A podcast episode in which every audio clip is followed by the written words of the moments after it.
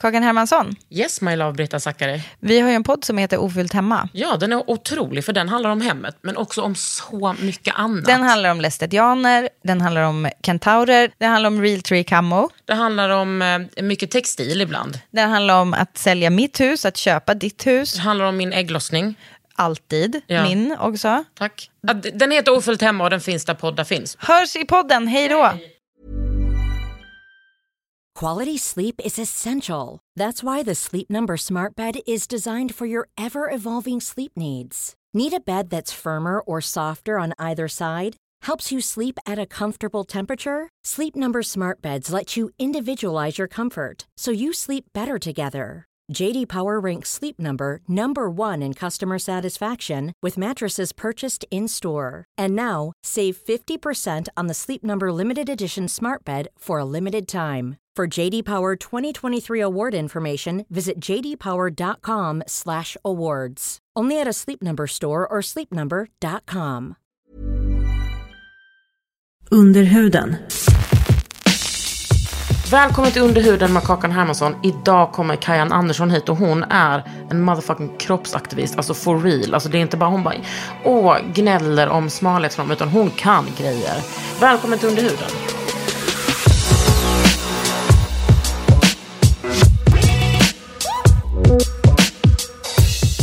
Alltså Kajan, Ja. jag är inte ledsen för att du sitter här i mitt kök nu äntligen. Gud vilken tur vi har. Och ska jag säga en sak också? När jag träffar liksom andra juicy kvinnor som inte är liksom storlek eh, 32. Ja. Alltså jag känner en sån... Alltså jag känner som en sån förståelse och tyst överenskommelse. Om så. att vi har så mycket gemensamma erfarenheter. Och gemensamt, och nu vet jag också att jag menar, det här är ju en av grejerna du krigar för. Men jag bara, åh, en tjock tjej. What up sister? Alltså jag känner, jag känner mig så hemma. Vi måste ju börja ha någon slags gang sign. Så att vi bara kan se varandra på stan och bara... Men är inte gangsignen bara att, Att vi, vi är, är existerar. tjocka? Ja, helt sant. Ska flappa lite med Har brösten. du eh, alltid varit tjock? Ehm, jag vill egentligen säga ja, för att jag som person är tjock. Jag var stor som barn. Jag tror att jag var stor som bebis också. Men sen har jag ju bantat ner mig och varit eh, ätstörd. Så då var jag ju smal. Hur mådde du då? Alltså det är, så, det är så svårt att säga, för jag har ju egentligen mått piss eh, hela mitt vuxna liv, skulle jag säga. Fast, fast tidigt, liksom. Same. Från, från tonåren. Och det har ju varit med ätstörning och utan. Men fast den har ju varit med ganska länge också. Ja, och sen så bara, vad fan är en ätstörning? Nej, men visst. Och, och på den tiden, jag är född 84. Och där var det ju så jävla normaliserat. Med att ha sådana tankar kring mat och kropp. Så alla Alltså jag tycker att det är det i allra högsta grad nu också. Att folk är liksom allergiska mot kolhydrater. Ja. Och att det görs, du vet, att lindas in, typ att man lägger upp mat på Instagram. Alltså sluta göra det om ni inte äter. Ja. Ja. För folk får inte ihop det heller. Nej, jag skulle så jävla gärna vilja bara ha någon inblick i, för vi ser ju från vårt perspektiv och de vi har i vårt flöde. Men jag skulle vilja se eh, 16-åringarna. Alltså verkligen Ja. gå in och se hur, alltså vad är en norm för dem? Vad lägger deras kompisar upp? Ja. Och vad lägger du... Åh, som här. För att vi önskar att jag snusar. Verkar så jävla gött. Nej. Men Du kan lukta det. Nej, men alltså att du snusar fyra pluppar. Ibland har jag två. Nej. Nej, jag ska unna mig. Men alltså det där, du vet jag, jag snusade en sån med två pluppar i fem minuter och höll på att kräkas. I'm a weak soul. För jag har ju pressat upp min Ja, jo, tolerans. jag förstår, jag har jobbat på detta. Det är ju lite av ett livsverk. Ja, Du är ett livsverk. ja. Men eh, jag tänker att det är... Det är som... Åh gud, det är så mycket jag vill prata med dig om. Men jag, liksom, jag har en... Jag, jag triggas så jävla mycket. Alltså, vet, jag känner mig så här bekväm med min kropp och jag har varit tjock hela mitt liv. Förutom när jag varit... Jag var 12 bantade jag ner jättemycket kilo. Och sen för, för kanske fem år sedan så var jag så miss... Alltså jag var så eh, ehm, olycklig. Ja. Att jag liksom inte åt på typ ett år. Nej. Och folk var, har ju aldrig varit så trevliga mot mig någonsin. Och så, eh, Eh, de tyckte jag såg så lycklig ut. Och eh, killar var så trevliga mot mig. Att liksom, alltså just det där, inte bara eh, på ett flörtigt sätt. Utan helt plötsligt så var det som att jag var så jag var tillgänglig och pratade med på ett, på ett annat sätt. Och jag, det, är så, det är så svårt för människor att förstå som inte har den här erfarenheten Men som du vi blir har. du är en människa på ett annat sätt. Ja. Du räknas på ett sätt som du inte gör Ja, annars. men också att, så här, att vara fuckable för straighta Ja. män Ja. är ett A för så många, för så mycket i samhället. Det blir ju en rätt som dukas upp på deras buffé då, Ja. medan du har varit i slasken tidigare. Och då kan jag också tänka er hur det är att inte vara med i den buffén. Alltså då blir man ju utsorterad direkt. Alltså, och det, Mm. Och sakerna inte, som det gör med en. Inte bara av straighta män, utan av väldigt många andra. Utan för att så här, fetton. Men det där är också, alltså de konnotationerna som man får med sig med, för det är ju inte ovanligt att man mår dåligt, eh, eller bara är skitstressad, eller eh, det händer något med en anhörig, och så mår man piss och så går man ner i vikt. Det är ju, Så funkar ju väldigt många. Eh, men de sättet vi blir behandlade på då, den skillnaden, de konnotationerna som det skapar i en, alltså händer det här flera gånger om, så lär du dig att koppla ihop den här viktnedgången med någonting väldigt, väldigt positivt. Och också då viktnedgången med att må dåligt. Alltså när jag var 12 år och min eh, mamma satte mig i Viktväktarna. Ja, köra. Ja, för att, men för att, alltså, du vet, det där har jag förlåtit henne för för länge sedan. Hon var Hon gjorde det hon 100 kunde. procent. Hon gjorde det hon tänkte var bra. Så då var jag liksom som, men du kan också tänka dig, det var inte som att jag var en timid, eh, liksom tyst blomma då heller. Nej. Utan jag var liksom rowdy och tog plats och var lite som jag var. Men min kropp blev till allmän beskådan och samtalsämne. Hur såg det ut då på Viktväktarna? Hade man så här gemensamma möten eller hur funkade Ja. det? Ja. Och man fick... Nej men alltså. När man typ hade gått ner typ så 10 kilo, då fick man gå upp och få en pin som var, jag tror typ att det var en morot. Och så skulle alla applådera. På riktigt? Ja, Det här trodde jag var liksom underlag för skämtsketcher, att det ser ut så. det är både och. Det är på riktigt och underlag för sketch. Nej men det var verkligen, alltså jag var ju bara så, du vet men också att det var så, jag var 12 år och hade förhållningsregler till mat. Alltså det är ju typ värre än att actually vara tjock. För att då var det så här, ah jag är tjock men nu ska vi, göra, nu ska vi gemensamt göra någonting åt detta. Och i en period när din kropp vill börja förändras av sig själv. Och då har man lärt sig att förändring i kroppen åt något håll som man inte kontrollerar är det värsta som kan hända. Den paniken. Men sen tycker jag också att det är så. Jag älskade ju att gå ner i vikt. Jag älskade ju till exempel att vara lite snabbare på handbollen. Eller liksom få den där eh, uppmärksamheten, få liksom den manliga blicken. Samma 2016 när jag gick ner jättemycket i vikt. Jag älskade typ att så här...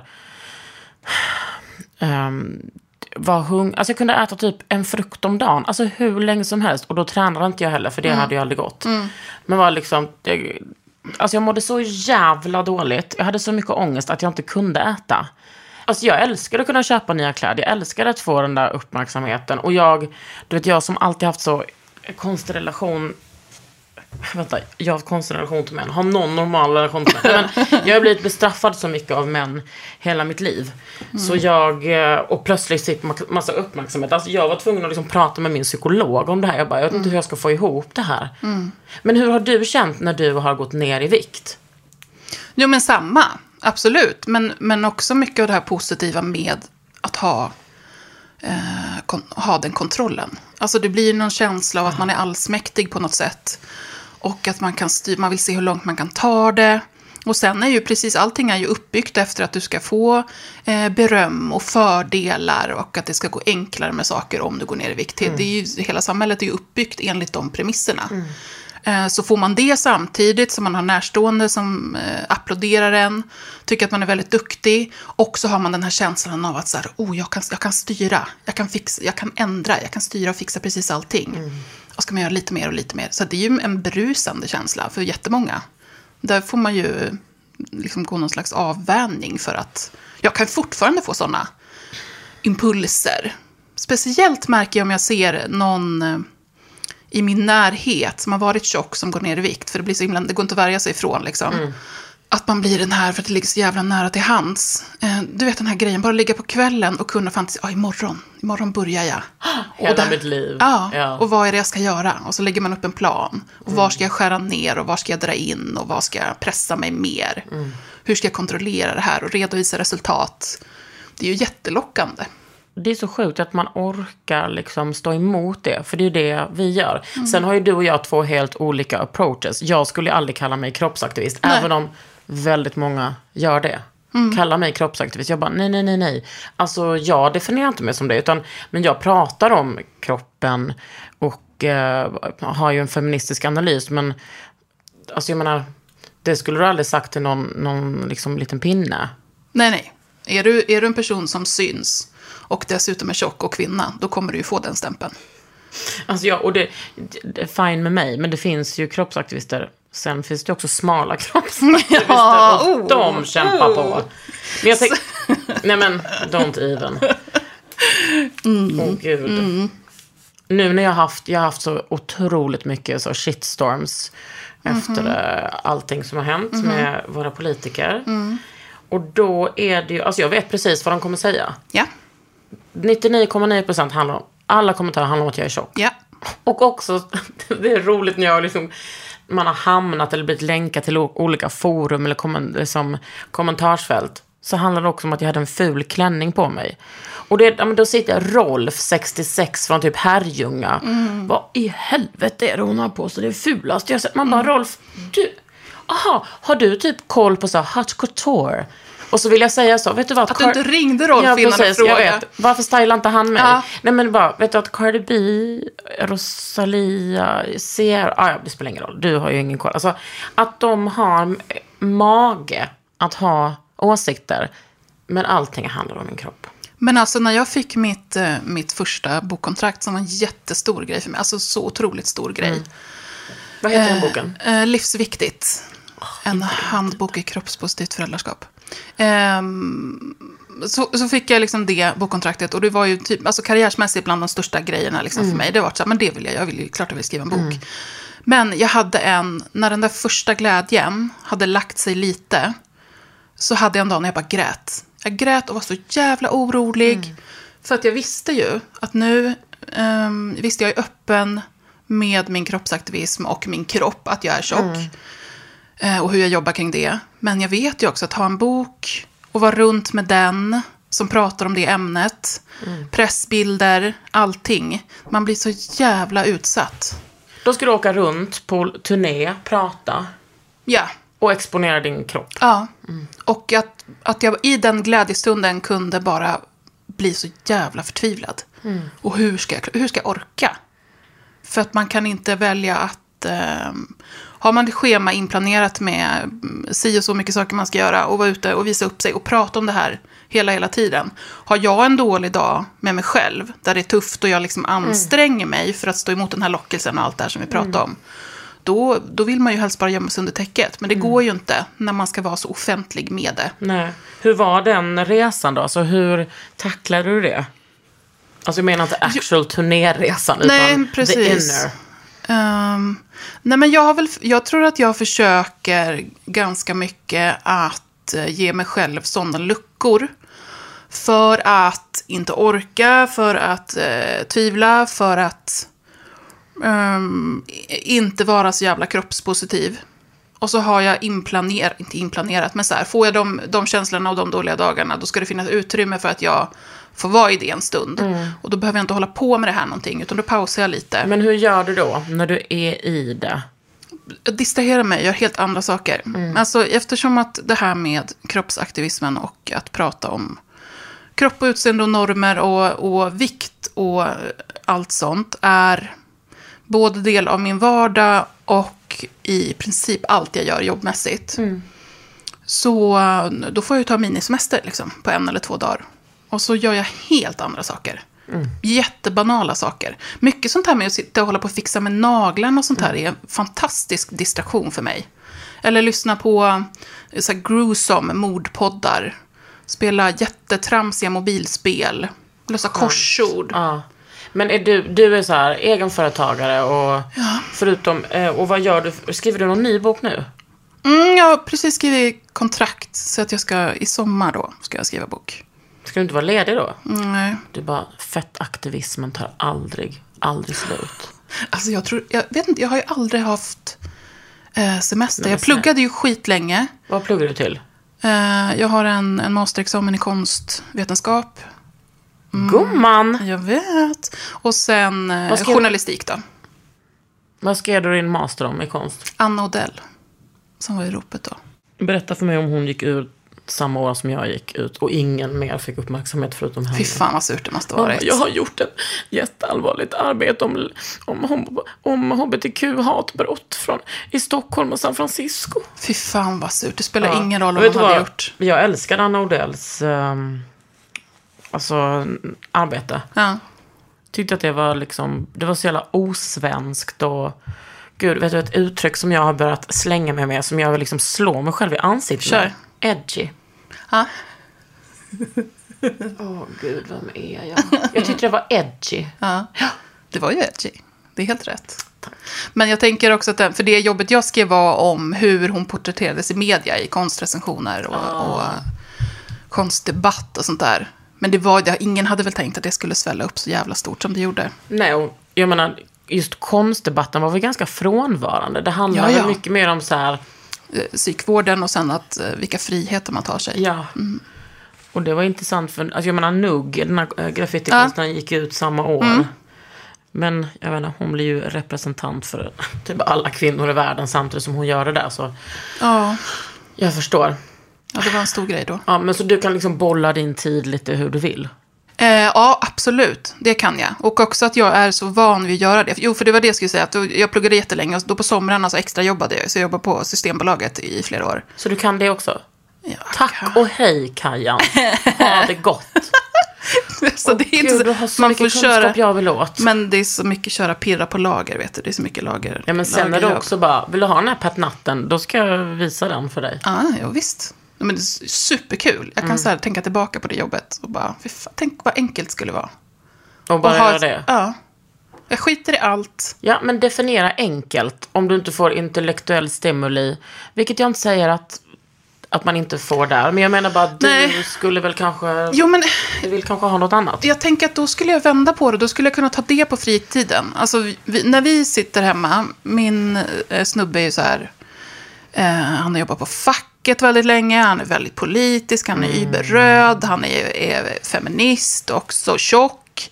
Han, har ju, han bubblar ju av såna här grejer. Men jag orkar ju inte prata om något Fast du sånt. sa ju ändå precis att du, det här är ditt jobb dygnet runt. Det är inte som att du bara app, app, app, app. Nej, men det är, mitt, det är mitt jobb dygnet runt i mitt huvud. Och Ja, i, så vet. fort jag är med min telefon så måste jag läsa på saker och kolla upp grejer och följa Mm. trådar och svara på kommentarer. Och då när han och jag sitter ner och ska käka middag med barnen Mm. och han är något, jag hörde om den här grejen på Instagram idag och vilken... så-" Och jag bara... Mm. Vad- Nu pratar vi loppisar istället, för jag orkar inte. Vad säger han då? Men Han är så van vid det så han säger nog ingenting. Nej, nej, okej. Mm. Han, får, han får ta det med annan. Och det är också om kompisar kommer och säger jag tänkte på den här, det här inlägget du skrev och så vill man Mm. prata. Jag säger jag, jag orkar inte. Nej, för det är en, det är en annan, det är ett annat, em, det är en annan kunskap eller vad ska man säga, specialintresse eller intresse än att till exempel vara intresserad av loppisar Ja. eller hudvård. För att det här är, det handlar också till syvende och sist om dig och din kropp och hur du har blivit behandlad. Ja. Sen pratar du ju mycket om barn också. Ja, Och det är ju liksom inte okänsligt direkt. nej men eh, precis. Allt är ju väldigt close to home. Och om jag inte sätter gränsen någonstans, så då i samtal med, Mm. med familj och nära vänner, då tar det över precis allting. Mm. Då blir jag aldrig, då får jag ingen paus från det. Nej. Och det behöver jag verkligen. Jag tänker mycket på nu när sommaren kommer. Du känns ju som att du är fullproppad med typ så tips. För Jag tänker mycket hur det är efter sommaren. Gud, vi är bra på att hålla två bollar i luften samtidigt. eh, nej, men jag tänker efter sommaren. Det var, jag, jag träffade en person som var så här, åh, jag har gått upp så mycket i vikt efter sommaren. Jag måste verkligen tänka på det. Jag bara, det där säger väl inte du inf- inför dina barn? Hon bara, jo, ah, det vet jag inte. Och sen så sa jag det liksom nästa gång vi ses. Jag bara, förlåt, alltså jag ska inte berätta för dig vad du ska säga det till, till eh, vad du ska säga till dina barn. Och hon bara, nej, men du har rätt. Du, Ja, men för, för 95% av gångerna så tänker man inte på det. För att vi är så jävla Mm, vana vid att säga sådana saker. Att eh, nu nu måste vi se till att ta en promenad efter maten för vi åt så himla mycket. Eller nu, nu måste vi tänka här på eh, bara äta grönsaker efter jul. För det blev ju så jävla mycket julmat liksom. Det är så otroligt vanligt. Ja. Och vi har inte... Vi har inte blivit tillsagda vilka konsekvenser det ger.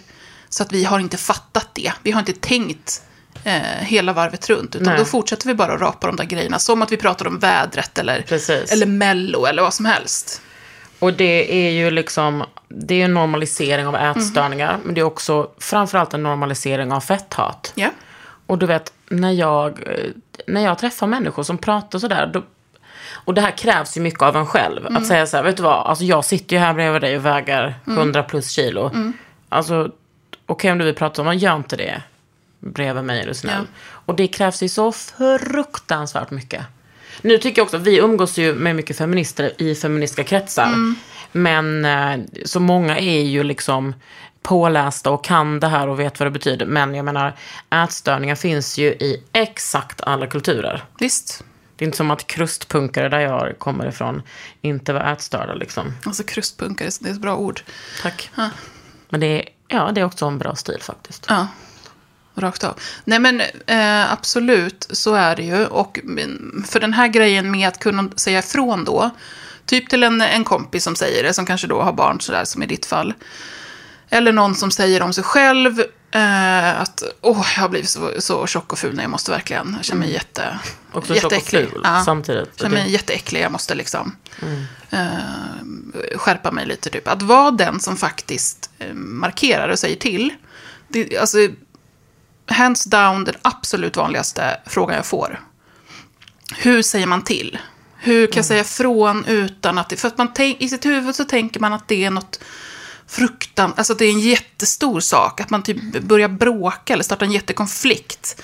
Vi är så ovana vid att säga den så här, vet du, här gick du över en gräns för mig. Det där du säger påverkar mig på ett väldigt negativt sätt och det vet jag att du inte menar. Så går det bra att du tänker på det och inte gör det framöver. Och då tror jag, alltså jag tror att det sitter så långt in för människor. Jag tror det finns hur många människor som är som aldrig har övat sig på att säga ifrån. Nej. Jag gör det varje dag till höger och vänster. Men det är också för att jag har varit en politisk person så länge. Och är den här personen i den här kroppen. Men jag tror att det där är också, jag menar det, man behöver inte vara tjock heller för att säga det. Nej, man kan ju bara vara en människa som gillar att liksom uh, gränsa. Ja, och i massor med situationer. Alltså, Ja, alltså, vardagsrasistiska... ja, exakt. whatever. Under huden. Selling a little or a lot? Shopify helps you do your thing however you cha-ching. Shopify is the global commerce platform that helps you sell at every stage of your business. From the launch your online shop stage to the first real life store stage, all the way to the did we just hit a million orders stage. Shopify is there to help you grow. Shopify helps you turn browsers into buyers with the internet's best converting checkout. 36% better on average compared to other leading commerce platforms because businesses that grow grow with Shopify. Get a $1 per month trial period at shopify.com slash work. shopify.com slash work. There's never been a faster or easier way to start your weight loss journey than with PlushCare. PlushCare accepts most insurance plans and gives you online access to board-certified physicians who can prescribe FDA-approved weight loss medications like Wigovi and Zepbound for those who qualify. Take charge of your health and speak with a board-certified physician about a weight loss plan that's right for you. Get started today at plushcare.com slash weight loss. That's plushcare.com slash weight loss. plushcare.com slash weight loss. Men okej, okay, nu kommer jag tillbaka till det här. Inför sommaren, ja, inför allting. Men har du några tips eh, hur man kan använda sitt språk och inte använda sitt språk inför andra, kanske främst barn? Alltså jag pratar ju hela tiden om, eftersom att vi måste mönsterbryta, så här, vi tänker att vi är väldigt, väldigt vana vid att prata på ett sätt om våra kroppar och om vikt. Eh, alla gör det tillsammans och det är också en kollektiv grej som vi blir påverkade av.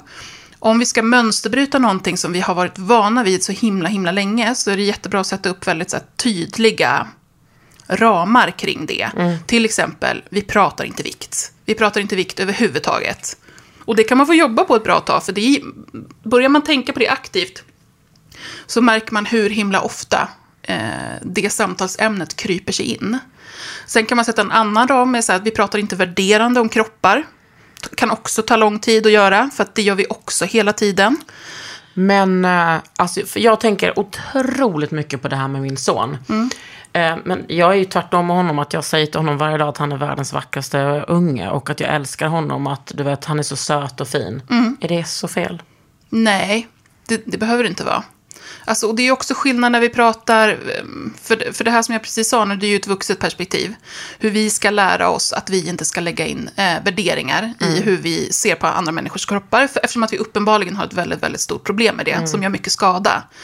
Sen är det ju ett, en, en sak att med barn, jag säger ju det till mina barn också, att överösa dem med bekräftelse, med, med, liksom, med positiva ord och självkänsla på alla, alla dess vis. Sen kanske du inte säger till din son, du har så platt och gullig mage, vad fin du är.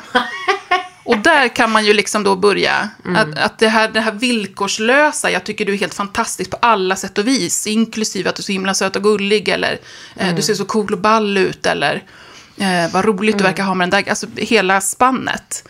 Men börjar vi lägga in den här värderingarna, som är det här paketet som vi redan har, så att när barnet ehm, ser smalare ut i någonting, eller, har, eller, liksom har, eller tvärtom, att barnet börjar få lite mage, eller har någon dubbelhaka, och vi kommenterar det på ett negativt sätt, det är ju där vi måste. Nej men alltså, enough med att alla pratar om sina barns, åh kolla vad gullig, kolla den där dubbelhakan. Man bara, ja men när kommer du sluta tycka att det är gulligt? Ja. Alltså är det när hen är fem eller åtta eller fjorton? Alltså när kommer du tycka att det här inte passar in i det som du tycker är så underbart? Ja, men och att vi tror att barn inte påverkas av det. Alltså jag kommer ihåg när jag gick på dagis, för det hette dagis då. Eh, och hade jättestora kinder. Alltså sådana jätte. Och hur alla tyckte, jag fick så mycket kommentarer om de här kinderna. De var så mysiga och gosiga att klämma på och gosa med liksom. Sen vet jag ju, att plötsligt så var inte de Nej. gosiga och mysiga längre. Utan de var ett tydligt tecken på att någonting var fel. Att de skulle ändras och rättas till. Eller det här, det var en, det var någon, det var faktiskt en snubbe som sa, som träffade min son för länge sedan, när han var liksom skitliten och bara, ja man ser ju att det där är din son på kroppen. Alltså du vet, jag vill, det, men han fick veta att han levde alltså. Ja, Jag hade en läkare som sa till eh, ett av mina barn också, när barnet var två. Alltså, ja, men han, för då hade han typ hudmage. Men han har ju att ta av. Och det var också så här, förstår liksom inte ens, vi var där för feber. Och skulle kolla hur vi skulle göra med den här febern. Men är inte du alltid på tårna när det kommer till sånt här? Alltså jag har ju, jag är så ehm, förberedd på att ha de här samtalen. Jag är så förberedd på svar och snabba svar. Och när jag ska prata, träffa läkare och träffa liksom min sons läkare och whatever det kan vara. Jag tror att jag var det ganska så länge. Nu är det så, jag vet inte, det kanske blir det när man pratar om det varje dag med folk. Och, vad, och vad folk kan säga, hur man kan bemöta det. Så blir det ju så in, inarbetat igen. Ja. Nej, men jag, jag, alltså det är det jag menar, att det är inarbetat. Ja, att, ja, man, visst. att man är alltid på hugget. Och det behöver det nästan vara, för att annars står du där och bara... "Eh, eh, eh", och så Tror blir det att- ännu jobbigare för en. Tror du att det var lite eller mycket tjat om eh, BMI när jag skulle göra IVF? Tror du att det var... Men Det då hade jag ett haft den där, alltså. eh, då var jag ju smal. Ja.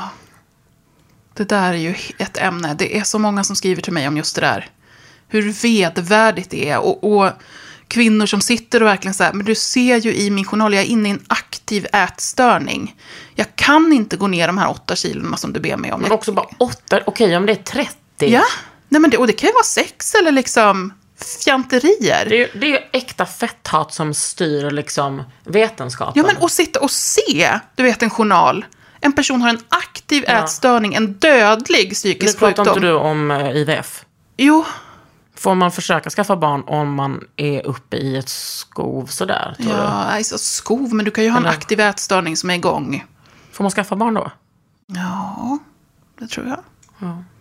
Det Just- kan väl säkert vara olika. Ja. Det, mycket av det där beror ju på vem man kommer till också. ja.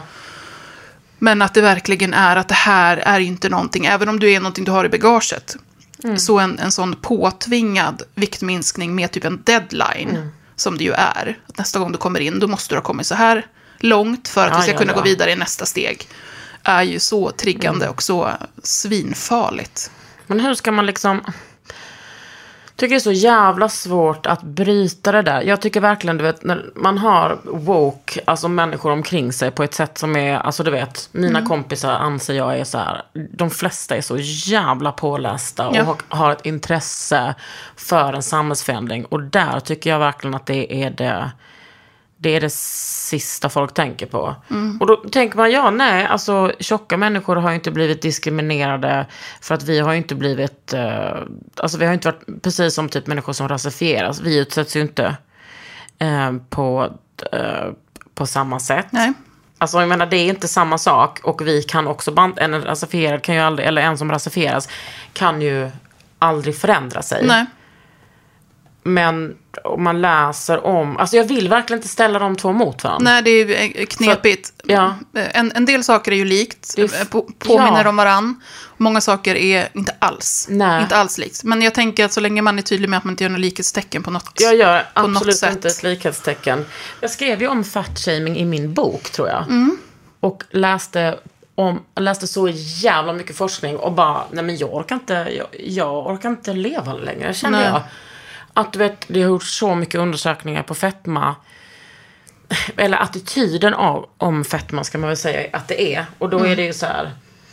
Si och så många procent, alltså många procent vill hellre eh, amputera bort en kroppsdel Ja, än att vara för tjock. ja. Si och så skulle hellre... Och den har de gjort på unga personer också. Där Ja. det också är groteskt höga siffror. Ja.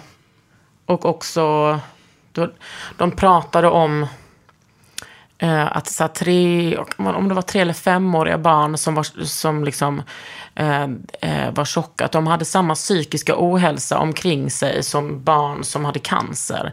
Att det var liksom... Ja, men jag tänker vi som är tjocka, vi vet ju det. Men jag tror, jag tror också att det finns en... Alltså precis som andra sorters förtryck så, finns, så är det en lång väg att gå att ta upp det här liksom. Att Ja, peka på att det händer. och, och fetthatet är ju något som har, mm, precis som vi pratade om bara på 80-talet, liksom när jag är född, så var det så pass no- normaliserat, det problematiserades inte överhuvudtaget. Sen kom det en våg liksom i början på 90-talet när man började prata om alla dessa ätstörda flickor med anorexi. Liksom. Men man kopplade ju inte ihop de sakerna. Nej. Utan det var ju liksom någonting helt annat. Och, och det är svårjobbat just för att man fortsätter att använda sig av det här eh, hälsoalibit. Hur mycket här, sånt har du fått höra? nej men det är ju, det är ju, Att det är ju du- konstant. Att, vänta, vad är det du gör då? Det är du, att du eh, premierar fetma? Ja, normaliserar ohälsa och sjukdom. Hur kan du?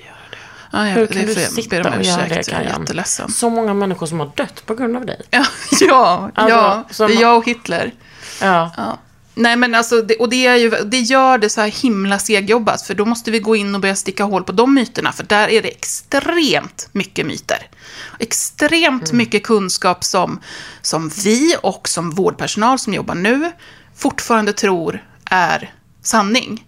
Och det är inte det. Nej. Alltså, det är så himla tacksamt när personer som Eh, Erik Hemmingsson till exempel, som är en av Sveriges eh, främsta mm, överviktsforskare, experter på övervikt.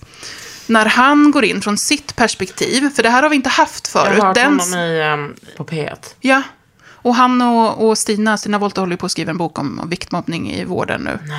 Mm. Lägg av. Det kommer liksom vända upp och ner på grejer. För vi, vi behöver liksom folk Ja. där också. Precis, inte bara tjocka tjejer som vi blir reducerade till att ni är bara sura för att ni får uppmärksamhet. Ja. Eller folk ty- inte tycker ni är snygga.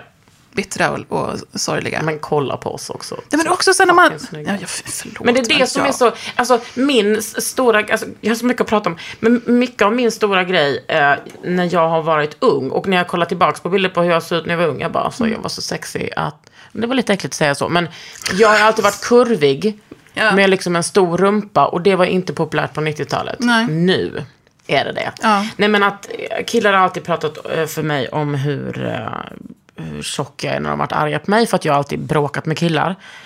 Och sen så när jag blev äldre, när, bör, när de började ragga på mig och jag aldrig var intresserad, så fick man alltid höra, ja din jävla tjocka hora. Jag bara, vänta, du ville ju precis knulla med mig, varför? Precis, och så är det ju än idag. Men, nu när jag är vuxen, Det tog för, nu har jag, jag har ju liksom inte varit med killar så mycket alls. Mm. Men jag har förstått nu på äldre dagar att, eh, och det tar ju tid för mig att förstå, att det finns ju massa människor som tycker att den här kroppen är otrolig. Ja. Och, det är inte, och, det, och det är någonting som jag jobbar med fortfarande, att förstå att människor som, som attraheras av mig, det är ingen fetisch. Nej. Alltså, utan bara, ja, nej men eh, så ser det ut och det är snyggt. Och det är också så, alltså förstå hur stört det är när man tänker att en person som tycker att den är het, alltså rent fysiskt bara Ja. jävligt het, att man tänker att det måste vara en, en fetisch. Ja, att det är en, någon slags störning är Ja, det ju. något lite sjukt och äckligt. Det är liksom de, den personerna som tycker att jag är het, så är det de som vill rulla i bajs. Typ. Eh, att det hör till samma kategori, vilket är så otroligt bisarrt. Men jag tänker att hela min karriär handlar ju om att jag, alltså tänk om jag hade varit en, en så här normismal, eh, neurotypisk dessutom, straight, snygg tjej. Som hade liksom varit den här sortens feminist. Speciellt back in the days när det inte fanns så många offentliga feminister. Alltså jag hade ju aldrig mött samma slags hat. Jag kommer ihåg att jag pratade med så här, Bianca och eh, eh, Tiffa om det. Att när de gjorde full patta, att de ty- typ inte fick hat. Jag bara, vad... Vad händer? Ja. Men det är ju för att de är fuckable. Ja, och, och att säga till, eftersom att det har varit, framför allt då för personer som, som läser som, som tjejer och kvinnor, har varit, vårt främsta syfte har så historiskt länge varit att vara eh, ja, men knullbara, att vara attraktiva, att vara kuttersmycken. Eh, det har varit vår främsta egenskap och liksom det vi ska sträva efter allra mest. Eh, parallellt med det så har vi haft en, en struktur som säger att att vara tjock och fet är det absolut äckligaste eh, du kan vara. Så och det här hänger ju kvar så jä- Alltså människor som jag diskuterar med, inte, inte civiliserade människor, men, men folk på sociala medier. Som passerar som civiliserade ibland. Ja, för, ja, om de har tur. Börjar man liksom säga emot eller sätta gränser eller säga stopp, det där är inte okej. Då kommer ju den direkt, därför de är så vana vid att säger jag ditt feta äckel eller din feta hora. Ehm, eller fetknopp eller tjockis, sådana som man hörde på 90-talet. De är så vana vid att det sänker en direkt. Därför det är det värsta som kvinnor har fått lära sig att de kan vara. Ja. För att då är man nästan inte kvinna längre. Nej, för det är det äckligaste. Det är så äckligt. Ja, vi har förlorat hela vårt syfte om vi inte är attraktiva nog och knullbara i mäns... Fan, jag skulle önska att jag inte ens... ehm, Nu fastnade jag med håret. Här är din mick. Jag, menar, jag har fastnat i allting. Men jag skulle önska att jag bara... Jag tycker att jag hamnar där mer och mer nu. Efter att jag har fått barn. Att jag är så ganska obrydd. Jag typ hamnar där med min kropp och framför, alltså framförallt mitt utseende i stort. Att jag är så här, du vet, kollar mig inte speciellt ofta i spegeln. Vilket är ironiskt när jag har släppt egen hudvård. ja, men jag tror också att det är så här, alltså jag bryr mig typ inte om så här, inom citationstecken, ålderstecken. Alltså Nej. jag är så här, ja, jag är 40 och det är gött Ja. och här är mina bröst, de är otroliga. Det har ju såklart med olika saker att göra. Att bli mogen, att växa, att föd, föda barn eller få barn. Att nu jag tränar jättemycket. Uh, inte alls, tränar inte alls jättemycket just nu denna veckan, men i- generellt så tränar jag mycket. Att vara, det har hänt, det som jag nog har kämpat för ganska länge har plötsligt infunnit sig. Ett så här, alltså jag bryr mig inte. Klart jag bryr mig om hur jag ser ut på Ellegalan. Men, och då och då så bryr jag mig. Men jag är så jävla typ så, fine. Inte bara fine, utan det jag kämpat för är att inte bedöma mig själv hela tiden. Att vara ett neutrum. Och sen kunna ladda min kropp med det jag vill. Att vara sexig eller Ja. vara kåt eller Ja. eh, whatever. Jag, jag tänker att jag börjar närma mig det. Och jag har typ precis kommit på att jag, oj, befinner jag mig här nu? Ja. Ja, men det är ju på något sätt, alltså det här som vi pratar om, att det är så normaliserat att ha ett ätstört sätt att se på sin kropp. Den normaliseringsprocessen går ju att göra omvänd. Alltså det går ju att normalisera för sig själv, omprogrammera sin hjärna, så att man vänjer sig vid det omvända.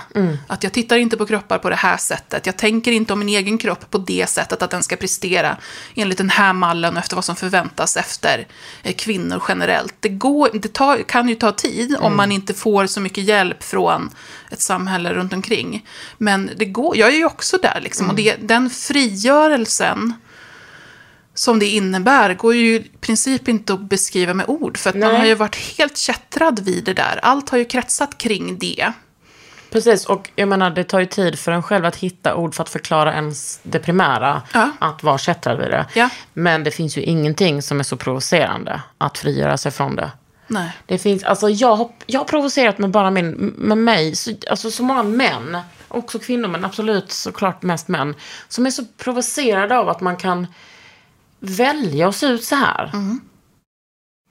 Ja, men det här, det är ju, ett, och det är ju misogyni liksom i, i dess renaste form.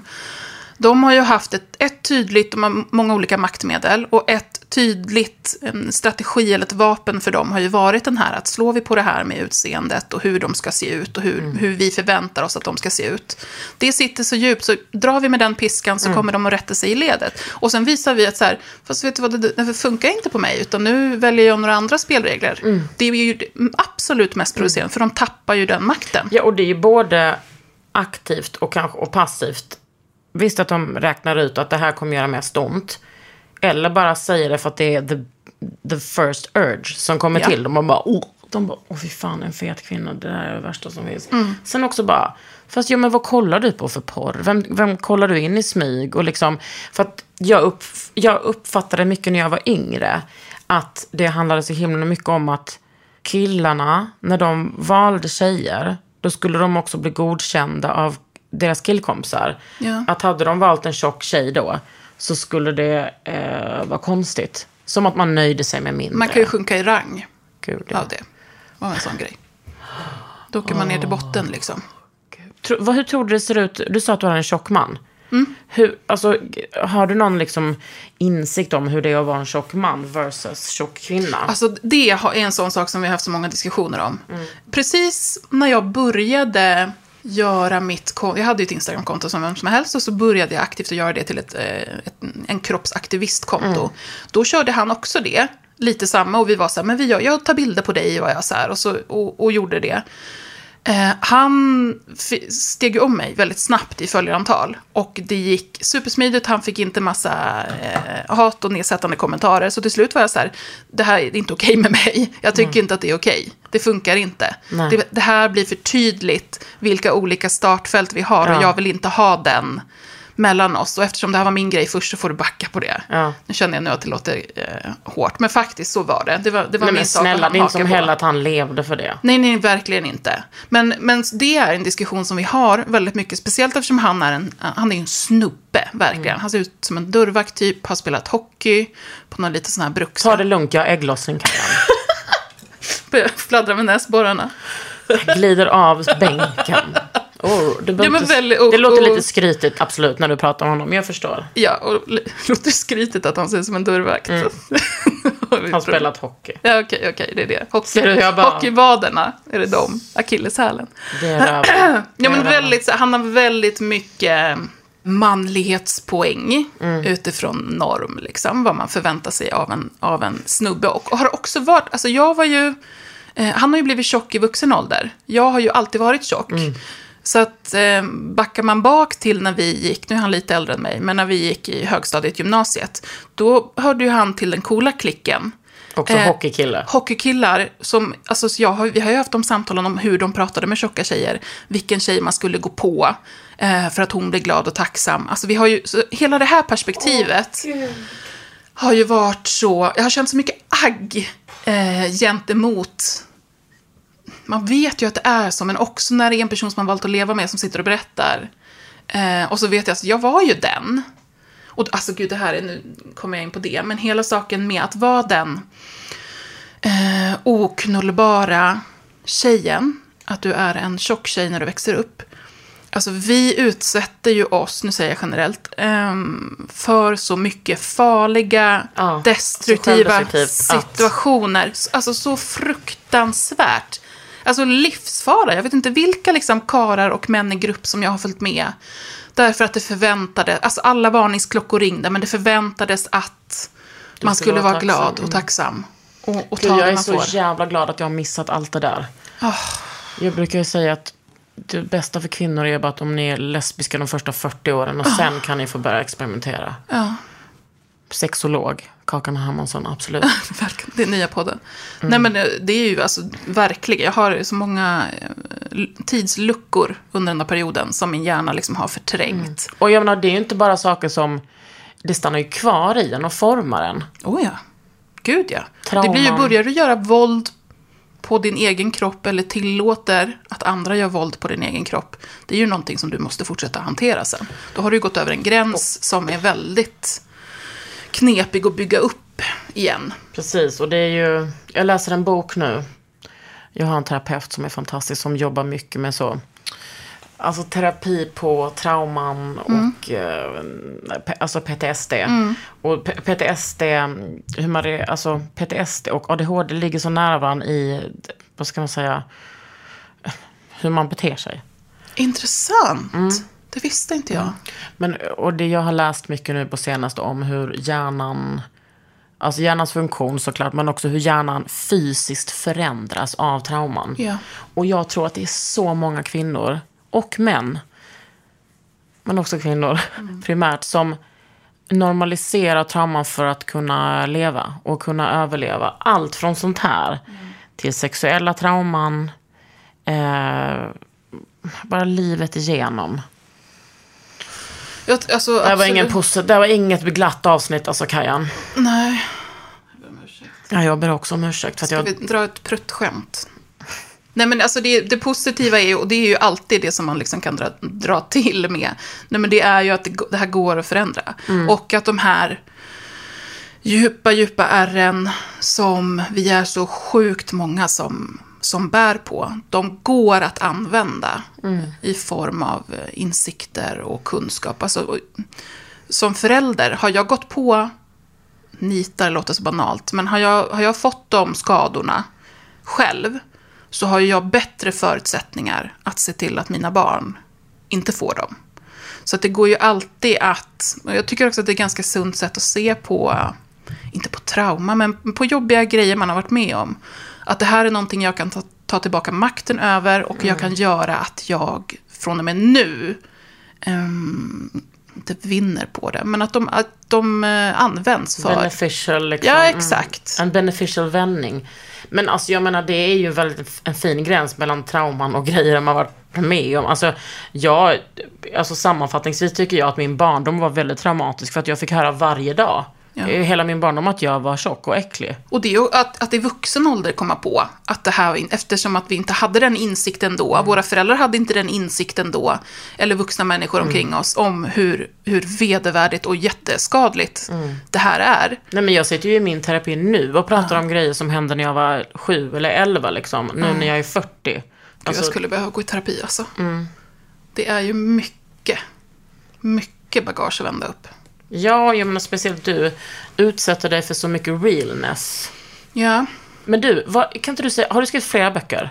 nej, jag har skrivit en. Ja, och, livsviktigt. ja, Nej, alltså det är ingen dålig.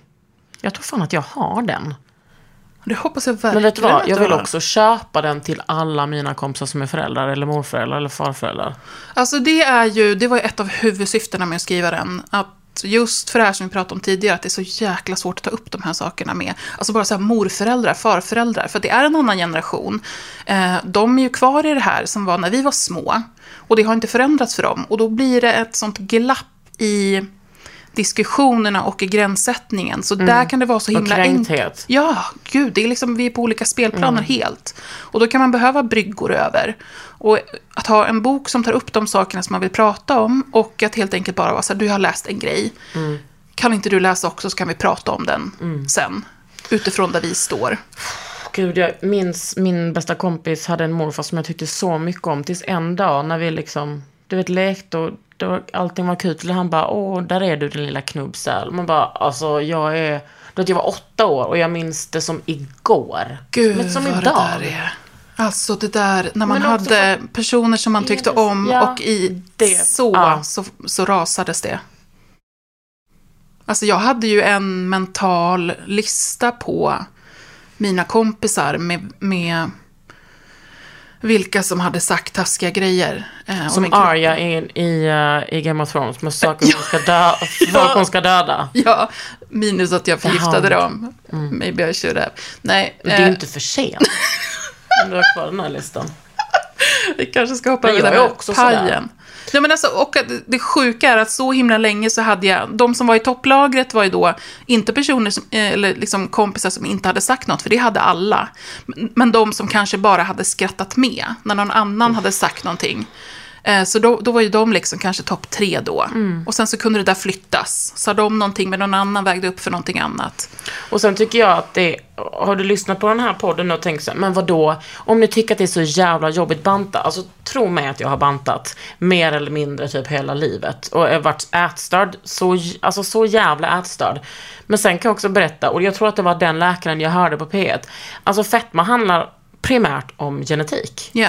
Ja, men det är Erik, klart att det- Erik som har ju skrivit en bok som heter Slutbandat. Ja, också, det handlar ju också om klass, så mycket vad, vad man äter liksom. Ja, Vem men också, surprise, surprise, bantning fungerar inte. Nej. För den överväldigande majoriteten så fungerar det inte. Du kommer, din kropp kommer att justera om därför att övervikt beror inte enbart på ett överätande och att du rör dig för lite. Det är massor med andra komponenter och de flesta av dem kan vi inte påverka. Och det som folk inte pratar om att för att eftersom det ser ut så här och jättemånga människor är supersmala så beror, folk svälter sig, mer eller mindre svälter sig. Och det förstod jag den, det året jag blev så himla smal, 2016. Då förstod jag, ah, det är så här tjejer gör. Alltså det var som en sån epiphany. Ah, folk, de äter inte. Nej. Då förstår jag hur tjejer och kvinnor kan vara så smala. Sen, självklart inte alla. Nej.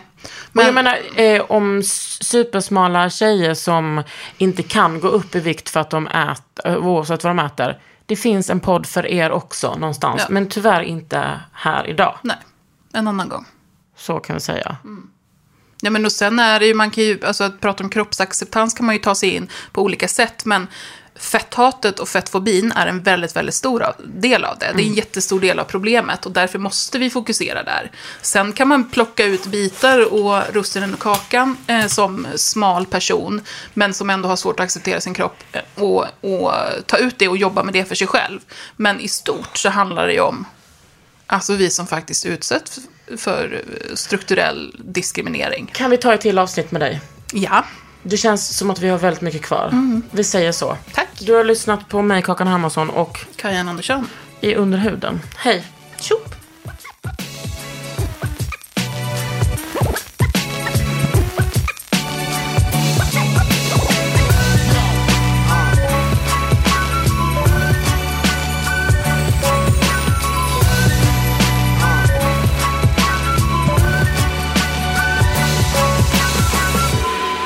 En podd från Allermedia.